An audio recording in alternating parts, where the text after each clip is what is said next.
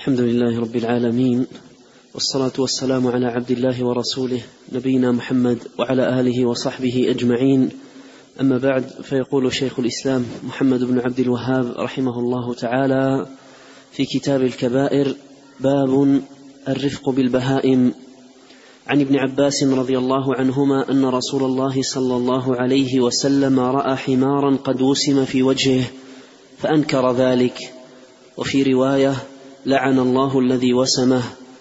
وفي رواية نهى عن الضرب في الوجه وعن الوسم في الوجه. رواه مسلم. بسم الله الرحمن الرحيم. الحمد لله رب العالمين وأشهد أن لا إله إلا الله وحده لا شريك له وأشهد أن محمدا عبده ورسوله صلى الله وسلم عليه وعلى آله وأصحابه أجمعين. أما بعد قال رحمه الله تعالى باب الرفق بالبهائم. الرفق بالبهائم يراد به الإحسان إلى هذا الحيوان البهيم في التعامل معه وفي إطعامه وتقديم الشراب له وعدم الإضرار به وعدم التعامل معه بما لا يحتمل ولا يطيق. فهذا كله من الرفق. ودين الإسلام دين رحمة ودين لطف وإحسان. ورحمة الإسلام شملت حتى بهيمة الأنعام ولهذا جاءت هذه الشريعة المباركة بالحث على الرفق بالحيوان. بل إنه كما سيأتي معنا ترتب على عدم الرفق به والإضرار به الوعيد الشديد. حتى إنه دخلت النار امرأة في هرة حبستها. وجاء في هذا المعنى أحاديث وجاء اللعن في في في من آذى بعض الحيوان بوسمه في وجهه مثل ما سيأتي معنا. كل ذلك من باب الرفق بهذا الحيوان البهيم. وأيضا بالمقابل الإكرام لهذا الحيوان والإحسان إليه باب من أبواب الأجر والرفعة عند الله سبحانه وتعالى. حتى إن أحد الصحابة قال للنبي عليه الصلاة والسلام يا رسول الله إني أذبح الشاة وأرحمها. قال والشاة إذا رحمتها يرحمك الله. وقصة المرأة البغي من بني إسرائيل التي غفر الله سبحانه وتعالى لها بسقيها للكلب. والأحاديث التي في هذا المعنى كثيرة جدا. وإذا تحدث عن الرفق بالحيوان وحسن التعامل معه لا يوجد اطلاقا غير الإسلام. اطلاقا لا يوجد غير الإسلام من أتى بأحسن التعامل وأرفق التعامل مع هذا الحيوان وحذر اشد التحذير من الإضرار به والإساءة إليه. وعندما يرفعون شعارات الرفق بالحيوانات وتنسب إلى بعض الجمعيات الغربية أو بعض المؤسسات لا يوجد أصلا. غير الإسلام من جاء بالقواعد العظيمة والأصول العظيمة والأسس في التعامل مع هذا الحيوان البهيم والرفق به والإحسان إليه. ويتميز الإسلام بميزة في هذا الباب لا توجد في غيره أن الدعوة إلى الإحسان إلى هذا الحيوان وعدم الإساءة إليه باب من من أبواب الأجر والثواب الذي يتنافس عليه المسلمون ويحرصون عليه. ويحرصون عليه. ولهذا أهل الفضل وأهل الخير تجد فيهم من اللطف والاهتمام بهذا الأمر ولا سيما كبار السن ممن ألقى الله سبحانه وتعالى في قلبهم الرحمة العظيمة التي شملت حتى البهائم. تجد فيهم من اللطف والإحسان إليها. أمور قد لا تخطر في بال بعض الناس وحدثت قبل أيام عن رجل من الصالحين نحسبه الله حسيبه توفي من وقت ليس ببعيد. حدثني أحد جيرانه يقول منذ عرفته وهو كل يوم يجمع بنفسه حتى في مرضه ففضل الطعام والرز يجعله في البراح من الأرض للطير واللحم يفرزه في مكان يقول بشكل يومي منتظم. يجعل الرز في في البراح من الأرض للطير ويجعل اللحم آه، في في في ناحية أيضا للقطط. وأعجب من ذلك وأعجب يقول يأخذ هذا بشكل يومي يقول لي يأخذ شيئا من الخبز اليابس ويفته في جانب سواري البيت. قلت هذا لمن؟ قال هذا للنمل. قال هذا للنمل. يقول هذا بشكل يومي منذ عرفته إلى أن توفي. وعلى هذه آه، الحال. فباب الرفق بالحيوان هذا الآن مثل هذا الرجل مثل هذا الرجل وله لا أمثال وله نظائر. إنما يقوم بذلك يرجو شيء عند الله سبحانه وتعالى يرجو ثواب الله. هذه المعاني ما توجد عند الكفار عندما يرفق بحيوان أو يتعامل مع حيوان أو يدعو إلى لا يرجو شيء على ذلك يوم القيامة وإنما هذه أمور تتعلق بشؤون ومصالح وأشياء دنيوية. أما الآخرة ليس لهم فيها اهتمام ولهذا لا ينفعهم ذلك عند الله. وفي صحيح مسلم عائشة رضي الله عنها سألت النبي صلى الله عليه وسلم عن عبد الله بن جدعان قالت إنه يكرم الضيف ويفك العاني ويفعل ويفعل. هل ينفع عند الله؟ قال لا. لا ينفع عند الله لأنه ما قال يوم قط رب اغفر لي خطيئتي يوم الدين. فالمسلم يمتاز في قيامه بهذه الأعمال بأنه يقوم بها من باب التقرب إلى الله سبحانه وتعالى ورجاء ثوابه جل وعلا. قال عن ابن عباس رضي الله عنهما أن رسول الله صلى الله عليه وسلم رأى حمارا قد وسم في وجهه فأنكر ذلك. الوسم هو الكي بالنار بحيث تكون علامة لأن الوسم هو العلامة. يتميز بها أن هذا لفلان. والوسم أيضا في الإبل مثلا إبل الصدقة حتى تميز أن هذه إبل للصدقة.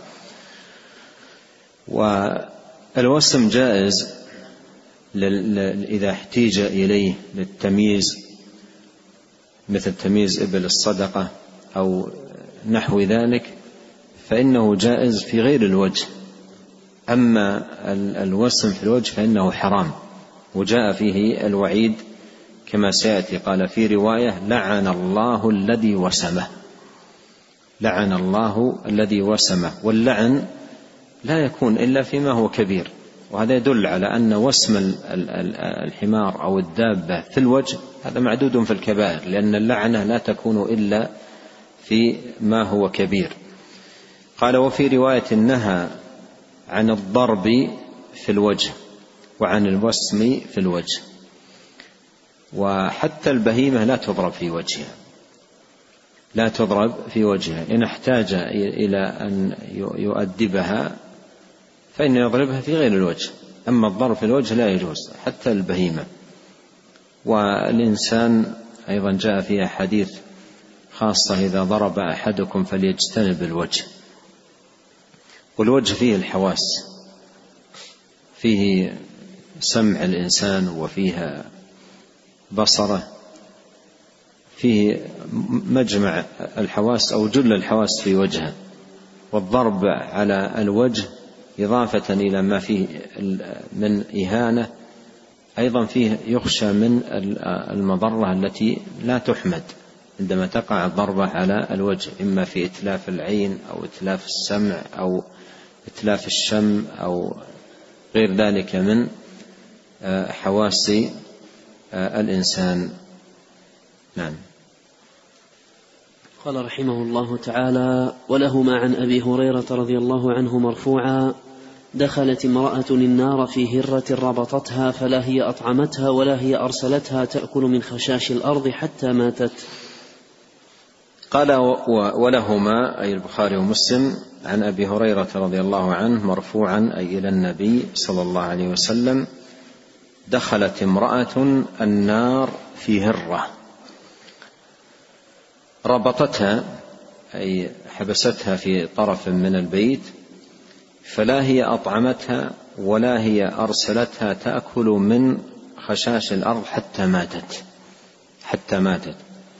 ماتت صبرا أي محبوسة.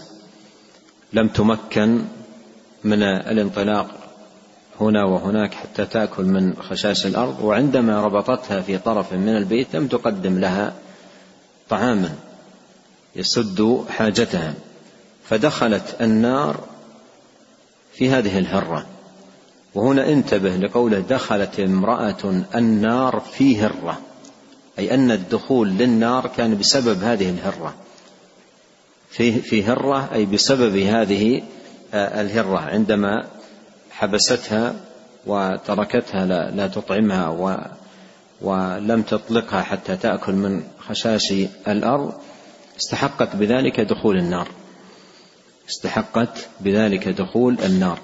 ولهذا الشريعة الإسلامية رتبت على الإضرار بهذا الحيوان البهيم عقوبات شديدة اللعن دخول النار سخط الله سبحانه وتعالى عدم الرحمة لا يرحم آه، من لا يرحم لا يرحم فجاء فيها وعيد على ذلك. قال دخلت امرأة النار في هرة ربطتها فلا هي أطعمتها ولا هي أرسلتها تأكل من خشاش الأرض حتى ماتت. وجاء في حديث الكسوف لما صلى بالناس عليه الصلاة والسلام وذكر انه رأى النار وأخبرهم ماذا رأى في النار. مما رآه في النار هذه المرأة. رآها النبي صلى الله عليه وسلم تعذب في هرة. رآها في النار تعذب في هرة. حبستها لا هي أطعمتها ولا هي أيضا تركتها تأكل من خشاش الأرض. يفيد ذلك لو أن الإنسان استبقى عنده في البيت قطا أو مثلا طيرا ولكنه يكرمه ويطعمه ويعطيه حاجته لا حرج عليه في ذلك ولا ولا يعرضه للأذى لا حرج عليه في ذلك. لكن إن حبس طيرا أو حبس قطة أو أو نحو ذلك ومنعها من الطعام حتى تموت ففيه هذا الوعيد. قال دخلت امرأة النار في هرة. نعم. قال رحمه الله تعالى ولمسلم عن ابن عمرو رضي الله عنهما مرفوعا كفى بالمرء إثما أن يحبس عمن يملك قوته ولأبي داود أن يضيع من يقوت. قال ولمسلم عن ابن عمرو عبد الله بن عمرو بن العاص رضي الله عنهما مرفوعا. كفى بالمرء إثما كفى بالمرء إثما أن يحبس عمن يملك قوته والقوت هو غذاءه وطعامه. ومعنى عمن يملك عمن تحت يده ممن يجب عليه أن يقدم لهم آه، القوت والطعام. فكفى بالمرء اثما أن يحبس عمن يملك قوته. قال ولأبي داود أن يضيع من يقوت. أن يضيع من يقوت أي من يلزمه قوته يضيعه. والعلماء رحمهم الله قالوا تضييع من يقوت يشمل البخل بخل الإنسان على مثلا أهله وولده ومن يجب عليه. أن ينفق عليهم. يشمل أيضا كما ذكر العلماء رحمهم الله تعالى أن يبقى الإنسان عاطلا. عنده قوة وعنده نشاط وعنده قدرة على العمل ويبقى عاطلا عن العمل فيضيع من يقوت لا يتسبب. لا يتسبب في اكتساب الرزق لأهله وأولاده ويبقى عاطلا فأيضا يشمل قوله كفى بالمرء إثما. ما, ما دام أن الله أعطاه قوة وأعطاه نشاط وأعطاه صحة وأعطاه عافية يتحرك. فامشوا في مناكبها وكلوا من رزقه. يبذل السبب احرص على ما ينفعك. قالوا إذا بقي عاطلا لا يتحرك في العمل وبذل السبب ولا يجتهد.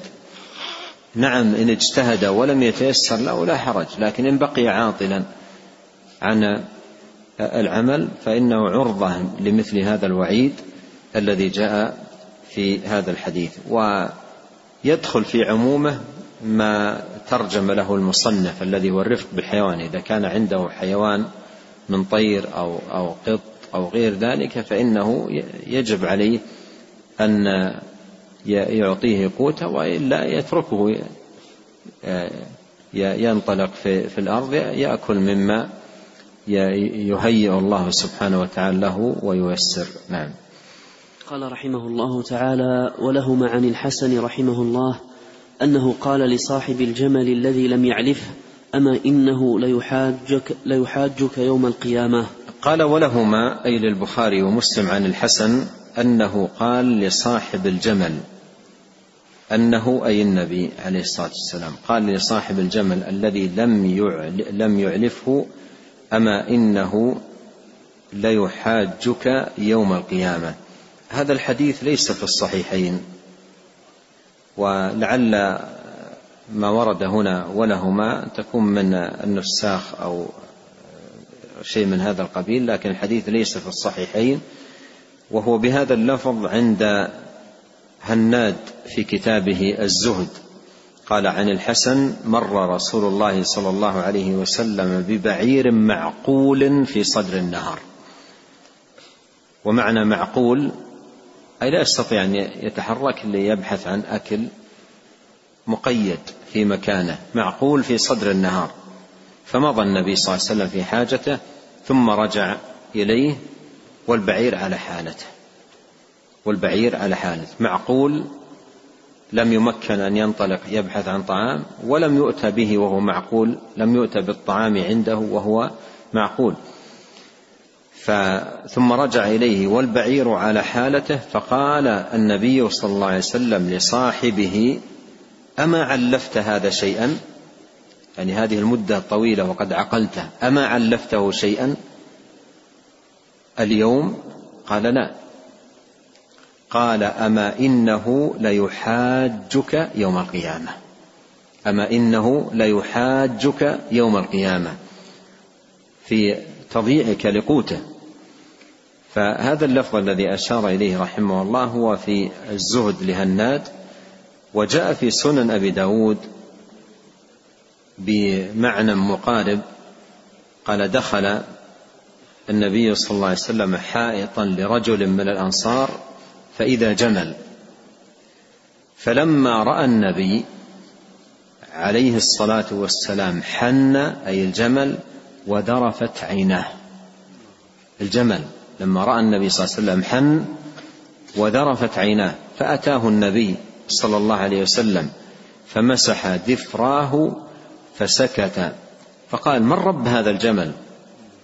لمن هذا الجمل؟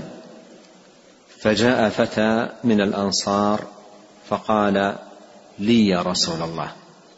فقال أفلا تتق الله في هذه البهيمة؟ أفلا تتق الله في هذه البهيمة التي ملكك الله إياها؟ فإنه شكا إلى إلي أنك تجيعه وتدئبه تجيعه لا تقدم له الطعام الذي يكفيه ويسد حاجته وتدئبه تتعبه في العمل الشديد والعمل الكثير. فكان يشتكي من ذلك. فإذا بمثل هذه النصوص ولها نظائر كثيرة في سنة النبي الكريم عليه الصلاة والسلام نجد أن آه، الإسلام هو الذي جاء بهذا المعنى الذي هو الرفق بالحيوان والإحسان إليه واللطف به. وأما ما عند الغرب مما يسمى رفق بالحيوان كثير منه تشبه بالحيوان وكثير منه آه، انحطاط بالمستوى الإنساني. يعني مما يعد رفقا بالحيوان بعض النساء تملك كلبا يبيت معها في سريره. ويحصل في بعض بيوتاتهم خصومات بين الزوج وبين الكلب. بين الزوج وبين الكلب. الزوج يريد أن يكون هو الذي معه على السرير وهي تقول لا الكلب. ويعدون ذلك من باب وصور مثل هذه كثيرة جدا. في العالم الذي يحسن أن يسمى المحتضر وليس المتحضر. أن هذا احتضار هذا هلاك. هذا هلاك. أمور كثيرة هي حقيقة من الهلاك والدمار. أما المعاني الجميلة والمعاني الصحيحة فهي في الإسلام في أجمل ما يكون من صورة وأيضا من حيث أنها في الإسلام باب من أبواب القرب.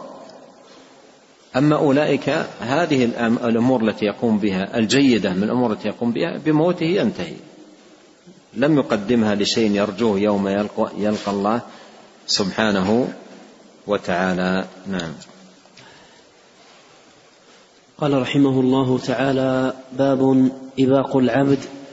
عن جرير بن عبد الله رضي الله عنه مرفوعا أيما عبد أبق فقد برئت منه الذمة. قال باب إباق العبد. إباق العبد أي فراره وهروبه من سيده ومولاه. وهذا جاء فيه وعيد شديد كما أورد المصنف رحمه الله تعالى عن جرير بن عبد الله رضي الله عنه مرفوعا إلى النبي صلى الله عليه وسلم أنه قال أيما عبد أبق أي فر وهرب من سيده فقد برئت منه الذمة. فقد برئت منه الذمة لأنه لا ذمة له. لا ذمة له. وجاء في رواية أخرى في صحيح مسلم قال أيما عبد أبق فقد كفر حتى يرجع إليه. فقد كفر حتى يرجع إليهم.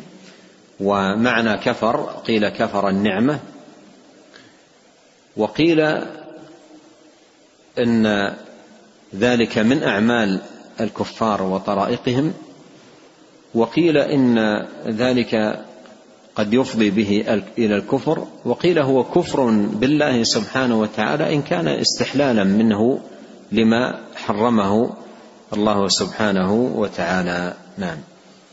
قال رحمه الله تعالى باب ظلم الأجير. عن أبي هريرة رضي الله عنه مرفوعا قال الله تعالى ثلاثة أنا خصمهم يوم القيامة ومن, ومن كنت خصمه خصمته. رجل أعطى بي ثم غدر ورجل باع حرا فأكل ثمنه ورجل استأجر أجيرا فاستوفى منه ولم يؤته أجره. رواه البخاري. قال باب ظلم الأجير. الأجير هو من يستأجر لعمل ما بمقابل. فإذا قام بالعمل الذي طلب منه فيجب أن يعطى أجره وافيا غير منقوص. فمن ظلمه عدم إعطائه أجره أو بخسه حقه أو تكليفه بأزود من العمل المتفق عليه وتعليق الأجرة المتفق عليها بذلك. فكل نوع من أنواع الظلم للأجير يحرم ولا يجوز وجاء فيه الوعيد في شريعة الإسلام. من ذلك ما جاء في هذا الحديث وهو في صحيح البخاري عن أبي هريرة رضي الله عنه أن النبي صلى الله عليه وسلم قال قال الله تعالى فهذا حديث قدسي. والحديث القدسي آه، هو ما كان لفظه ومعناه من الله سبحانه وتعالى. والنبي صلى الله عليه وسلم يرويه عن ربه لأنه في الحديث القدسي يقول قال الله تعالى. فالحديث القدسي لفظه ومعناه من الله عز وجل إلا أنه آه، ليس متعبدا بتلاوته. أما القرآن فإنه متعبد بتلاوته. قال قال الله تعالى ثلاثة أنا خصمهم يوم القيامة ومن كنت خصمه خصمته. ينبغي أن يعلم أن الله خصم لكل ظالم يوم القيامة وكل معتدي. لكن تخصيص هؤلاء بالذكر في هذا السياق وتعيين هؤلاء الثلاثة وتحديدهم بقوله جل وعلا ثلاثة أن خصمهم مع أنه جل وعلا خصم لكل ظالم وكل معتدي يوم القيامة يدل على غلظ عمل هؤلاء وشناعته. الأول قال رجل أعطى بي ثم غدر. أعطى بي أي حلف بالله عز وجل الأيمان المغلظة ثم نقض العهد. والله لأفعلن كذا أو والله لا أعطين كذا أو والله لا أقومن بكذا. ثم غدر نقض العهد. وهو أعطى يمين بالله عز وجل على هذا الأمر. ففيه عدم تعظيم اليمين تعظيم الله سبحانه وتعالى وفيه الغدر الذي هو من, من أوصاف المنافقين. قال ورجل باع حرا فأكل ثمنه. باع حرا فأكل ثمنه. وهذا باب من أبواب الظلم. والعدوان يأخذ حرا ويدعي أنه مملوك له ثم يبيعه من أجل أن يأخذ ثمنا ويبقى ذلك الرجل الحر عبدا آه، اشتروه من هذا الشخص الذي ادعى أنه مملوك له.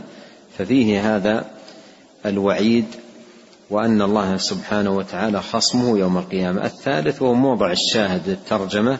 ورجل استأجر أجيرا فاستوفى منه أي العمل المطلوب من حفر أو بناء أو غير ذلك من الأمور ولم يؤته أجرته. نعم. قال رحمه الله تعالى باب سؤال المرأة الطلاق. أخرج الترمذي أخرج الترمذي وابن حبان في صحيحه عن ثوبان رضي الله عنه مرفوعا أيما امرأة سألت زوجها الطلاق من غير ما بأس فحرام عليها رائحة الجنة. قال باب سؤال المرأة الطلاق أي تطلب من زوجها الطلاق من غير بأس من غير آه، أمر يحوجها إلى ذلك أو يضطرها آه، إلى ذلك فهذا من الكبائر هذا من كبائر الذنوب.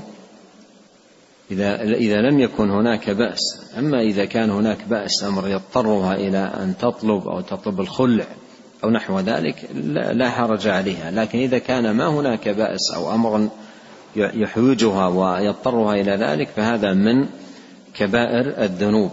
وفيه هذا الحديث آه، أخرجه الترمذي وابن حبان في صحيحه عن ثوبان عن النبي صلى الله عليه وسلم قال أيما امرأة سألت زوجها الطلاق من غير ما بأس ومعنى من غير ما بأس أي من غير ضرورة من غير حاجة من غير أمر يضطرها إلى أن تطلب منه الطلاق فحرام عليها رائحة الجنة.